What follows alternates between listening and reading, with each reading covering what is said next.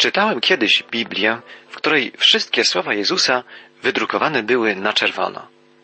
Było to specjalne wydanie Pisma Świętego, które podkreślało fakt, że słowa wypowiedziane przez Chrystusa mają szczególne znaczenie.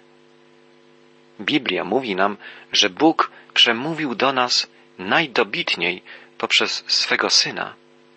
On jest najwyraźniejszym słowem Boga. Słowa Jezusa Chrystusa objawiają nam najbardziej bezpośrednio wolę Ojca. Objawiają nam ponad wszelką wątpliwość Jego miłość do nas. Tak, Jezus objawia nam ojcowskie serce Boga.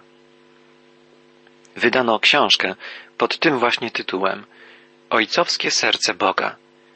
Książka ta może pocieszyć nawet najbardziej przygnębionych. Dlaczego?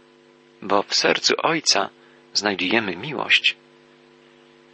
Gdybyśmy mieli w ręce egzemplarz Biblii, o którym wspomniałem, czytalibyśmy dzisiaj właśnie tekst wydrukowany czerwoną czcionką.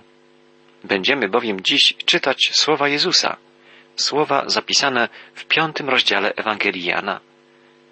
Myślę, że nie ma nic ważniejszego na tym świecie niż słowa Jezusa. To wspaniałe, że możemy je rozważać. Zwróćmy uwagę, jak Jezus opisuje swoją więź z Ojcem. Zaglądnijmy do końcowego fragmentu piątego rozdziału Ewangelii Jana. Czytamy począwszy od wiersza 31. Pan Jezus mówi: Jeśli sam sobie byłbym świadkiem, moje zeznanie nie zasługiwałoby na wiarę. Jest jednak ktoś inny, kto o mnie daje świadectwo. Wiem też, że to świadectwo, które on składa o mnie, jest prawdziwe. Potwierdził to Jan wobec tych, których posłaliście do niego. Wprawdzie nie trzeba mi potwierdzenia od ludzi, mówię wam jednak o tym dla waszego dobra. Jan był jak pochodnia, która płonie i świeci, a wy przez pewien czas z radością korzystaliście z tego światła. Ja zaś mam mocniejsze dowody niż Jan, bo spełniam, co mi ojciec przykazał do wykonania. Te właśnie dzieła, które wykonuję, świadczą, że ojciec mnie posłał. Również ten, który mnie posłał, ojciec, zaświadczył o mnie. Jezus mówi, że gdyby wydawał świadectwo sam o sobie, to w myśl prawa żydowskiego nie byłoby ono wiarygodne. Chrystus mówi więc o swoim Ojcu. To On poświadcza wszystko, co głosi Jezus. Daje Jezusowi do wykonania dzieła, które są tak wielkie i w tak oczywisty sposób wskazują na Boga, że są o wiele większym świadectwem niż głos Jana Chrzciciela, którego Jezus tutaj wspomina. Jana Chrzciciela porównuje tu Jezus do lampy. Lampa służy jako oprawa dla źródła światła. Jan Chrzciciel jest lampą, światłem jest Jezus. To porównanie dobrze oddaje służebną rolę, jaką pełnił względem Jezusa Jan Chrzciciel. Jezus mówi tu, że wszystkie cuda, których dokonuje, potwierdzają, że jest synem Boga. Potwierdzają Jego słowa o sobie samym. Cuda i znaki dokonywane przez Jezusa potwierdzają, że posłał go na ziemię Bóg Ojciec i że On działa wspólnie z Ojcem. Dalej czytamy: Nigdy nie słyszeliście Jego głosu, ani nie widzieliście Jego postaci. Nie przyjęliście też Jego słów, bo nie wierzycie temu, którego posłał Ojciec. Dokładnie badacie pisma, sądzicie bowiem, że dzięki nim macie życie wieczne. A te właśnie pisma świadczą o mnie. Całe Pismo Święte składa świadectwo o Jezusie. Faryzeusze nie dostrzegają tego, dlatego Jezus mówi im, że tak naprawdę nie mają Bożego Słowa, nie znają Go, nie rozumieją Słowa Bożego i nie postępują według objawionej w Biblii Bożej woli. Uczeni w Piśmie szukają w Bożym Słowie wiecznego życia, a nie rozpoznają Bożego Syna, który przychodzi, żeby życie wieczne im dać. Właściwie to Jezus jest życiem wiecznym. Zbawienie otrzymujemy, gdy rozpoznajemy Go, gdy przychodzimy do Niego jako do Zbawiciela. A jednak nie chcecie przyjść do mnie, aby otrzymać życie, mówi Jezus. jak czytamy w wierszu czterdziestym. Tak, Jezus wskazuje tę prawdę Żydom. Nie chcą przyjąć Jezusa, nie rozpoznają w nim dawcy życia, mimo że studiują Pismo Święte. Jak wielka to przestroga dla nas. Pamiętajmy, że gdy rozważamy treść Biblii i zgłębiamy prawdy Boże, powinniśmy szukać przede wszystkim Jezusa, bo w Nim jest nasze zbawienie. On jest naszym życiem. Jeśli o tym zapomnimy, staniemy się być może ekspertami w niektórych zagadnieniach teologicznych, ale przejdziemy obok Zbawiciela i miniemy się z życiem wiecznym. Jezus mówi uczonym w piśmie wprost, jak czytamy od wiersza 42. Znam was dobrze. Wiem, że nie macie w sobie miłości Boga. Przyszedłem z polecenia mojego Ojca, a jednak nie przyjmujecie mnie. Gdy ktoś inny przyjdzie we własnym imieniu, to go przyjmiecie. Któregoś dnia objawi się na ziemi antychryst i wielu ludzi uwierzy mu. Wielu da się mu szukać. Natomiast Jezusa ludzie nie chcą przyjąć. Dlaczego? Bo nie ma w ich sercach miłości. Jest natomiast egoizm i próżność, poszukiwanie uznania u innych i sławy. Jakże możecie wierzyć wy, którzy między sobą zabiegacie o uznanie, a nie szukacie uznania u jedynego Boga? Pyta Jezus. Gdy człowiek szuka poklasku, ludzkiej chwały, karmi swoją pychę i nie może tak naprawdę uwierzyć Jezusowi.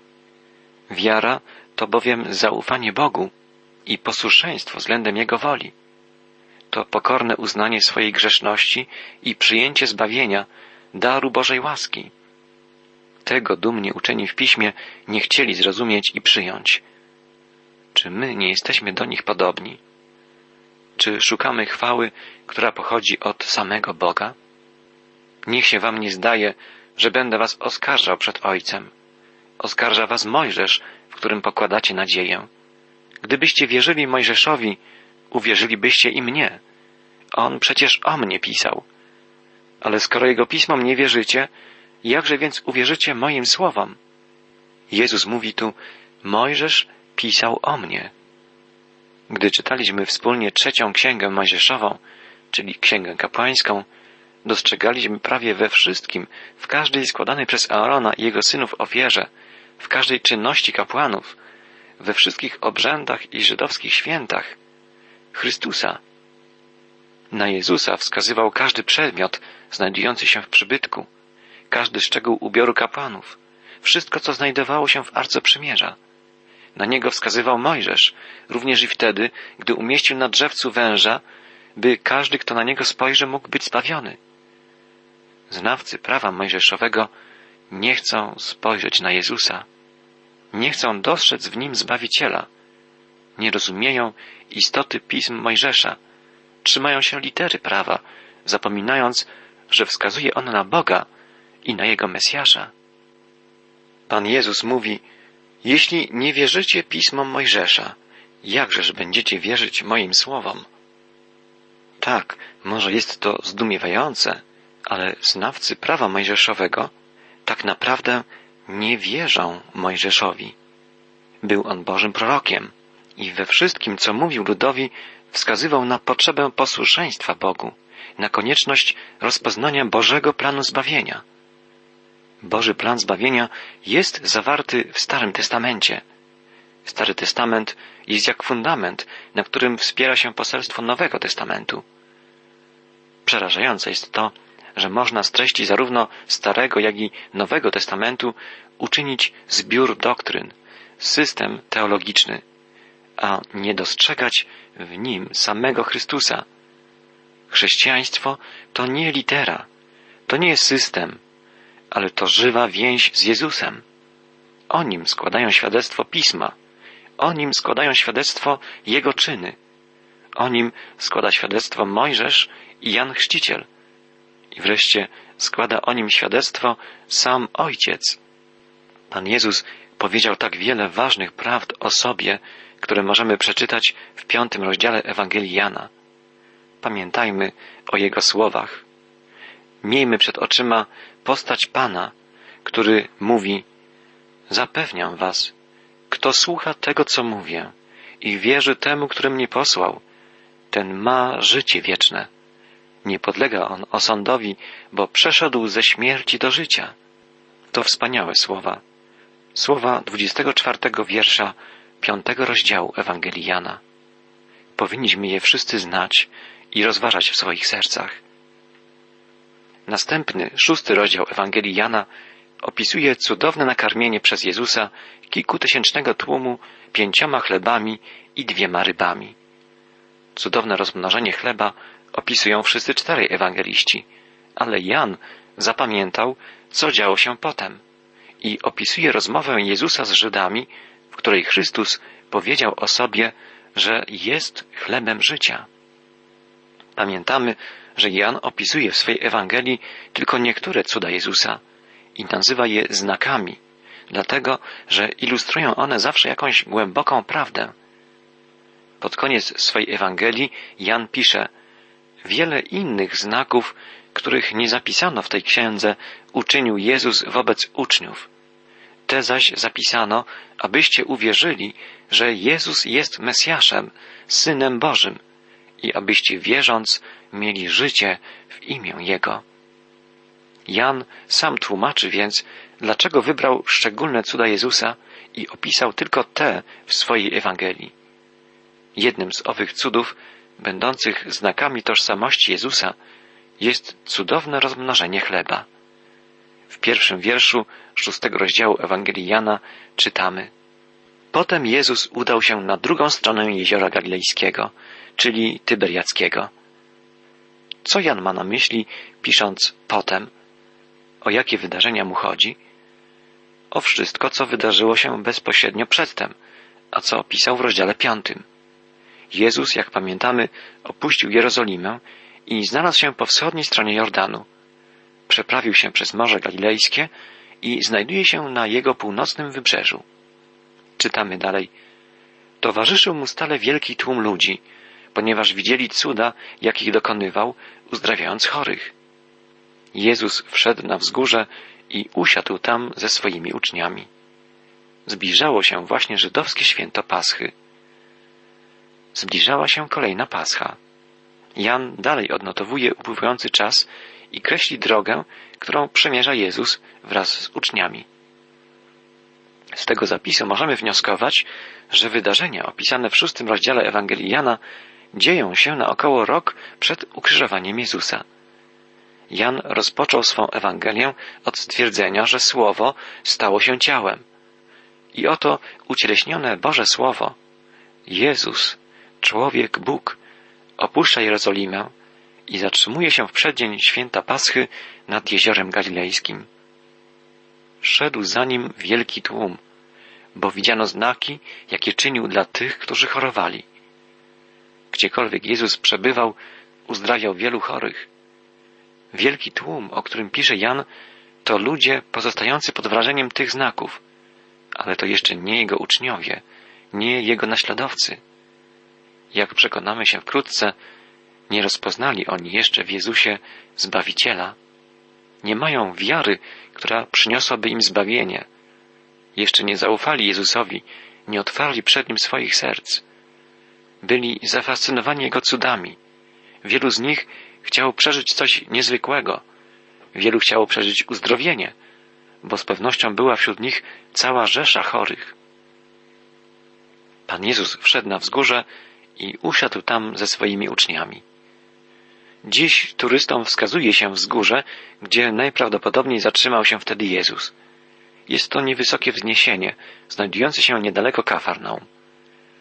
Dalej w piątym wierszu szóstego rozdziału czytamy Gdy Jezus rozejrzał się i zobaczył, że wielki tłum idzie do Niego, zwrócił się do Filipa Gdzie kupimy chleba, aby dać im jeść? Filip był człowiekiem czynu. Zazwyczaj nie mówił wiele, raczej słuchał i działał. Jezus zwraca się do niego z pytaniem, tak jakby prosił go o radę. Gdzie kupimy chleba, aby dać im jeść? Zapytał tak, by wystawić go na próbę, choć sam dobrze wiedział, co zrobić. Czytamy w następnym wierszu. Tak, Jezus znał doskonale wolę Ojca. Wiedział, co czynić. Znał całą przyszłość. Nie potrzebował nigdy radzić się kogokolwiek. Poddaje jednak Filipa próbie. Filip z pewnością rozejrzał się dookoła. Było tam pięć tysięcy mężczyzn, oprócz tego były tam też oczywiście kobiety i dzieci. Najprawdopodobniej zgromadziło się tam kilkanaście tysięcy osób. Filip zobaczył więc wielki tłum ludzi, zebranych na całym zboczu wzgórza. I odpowiedział mu Filip. Za dwieście denarów nie starczy dla nich, choćby każdy dostał tylko kawałeczek. Filip wiedział, że w ich wspólnej sakiewce jest tylko dwieście denarów. Być może rozmawiał w tym dniu o tym z Judaszem. Filip wiedział, że jest to za mało, żeby kupić tyle chleba, by każdy w tłumie mógł dostać go chociaż odrobinę. Jeden denar był równowartością przeciętnej płacy jednodniowej. Z relacji innych ewangelistów wiemy, że uczniowie próbowali doradzić Jezusowi, co zrobić w tej sytuacji. Mówili, Panie, rozpuść ten lud do domu. Tak, to byłoby jakieś rozwiązanie. Ale czy dobre? Jezus odpowiedział im, jak czytamy w Ewangelii Łukasza, nie, nie rozpuścimy ludu, nakarmimy ich wszystkich. I tu do rozmowy włączył się Andrzej. Czytamy od wiersza ósmego. Jeden z jego uczniów, Andrzej, brat Szymona Piotra, powiedział Jezusowi, jest tu chłopiec, który ma ze sobą pięć chlebów jęczmiennych i dwie ryby.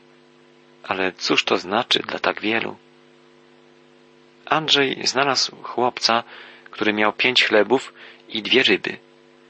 Chleby wtedy nie były dużymi bochenkami, ale niewielkimi plackami, przypominającymi dzisiejsze hamburgery. Były w sam raz tej wielkości, żeby razem z dwiema rybami zaspokoić głód dwojga osób, powiedzmy chłopca i jego matki. Andrzej mówi, lecz cóż to jest dla tak wielu? Filip i Andrzej wykazali więc pewną inicjatywę, ale poczuli się bezsilni, bezradni, bo mierzyli zamiary według własnych sił. Jezus polecił, czytamy dalej, każcie ludziom usiąść. W tym miejscu rosła bujna trawa. Usiadło tam więc około pięciu tysięcy osób. Jak pamiętamy, chodzi o mężczyzn. Łącznie z kobietami i dziećmi było tam kilkanaście tysięcy ludzi. Zazwyczaj słuchać Jezusa przychodziło co najmniej tyle samo kobiet, co mężczyzn, a wraz z nimi dzieci. Gdy przyjmiemy tylko, że na jednego mężczyznę przypadała jedna kobieta i jedno dziecko, otrzymamy liczbę piętnastu tysięcy. Co najmniej tak liczny tłum usiadł na trawie w oczekiwaniu na pokarm. Ewangelista Marek dodaje w tym miejscu, że tłum ten usiadł grupami po sto i po pięćdziesiąt osób, zapewne łącząc się w gronie przyjaciół lub krewnych. Dalej czytamy. Jezus wtedy wziął chleby, podziękował Bogu i obdzielił nimi siedzących. Podobnie też uczynił z rybami. Wszyscy najedli się dosyta.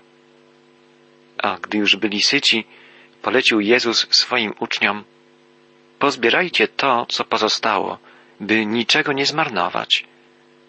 Zebrali więc i napełnili dwanaście koszy okruszynami, jakie pozostały z tych pięciu chlebów jęczmiennych. Każdy zjadł tyle, ile chciał. Wszyscy najedli się dosyta. Uczniowie zebrali dwanaście koszów okruchów. Jezus dokonał wspaniałego rozmnożenia chleba.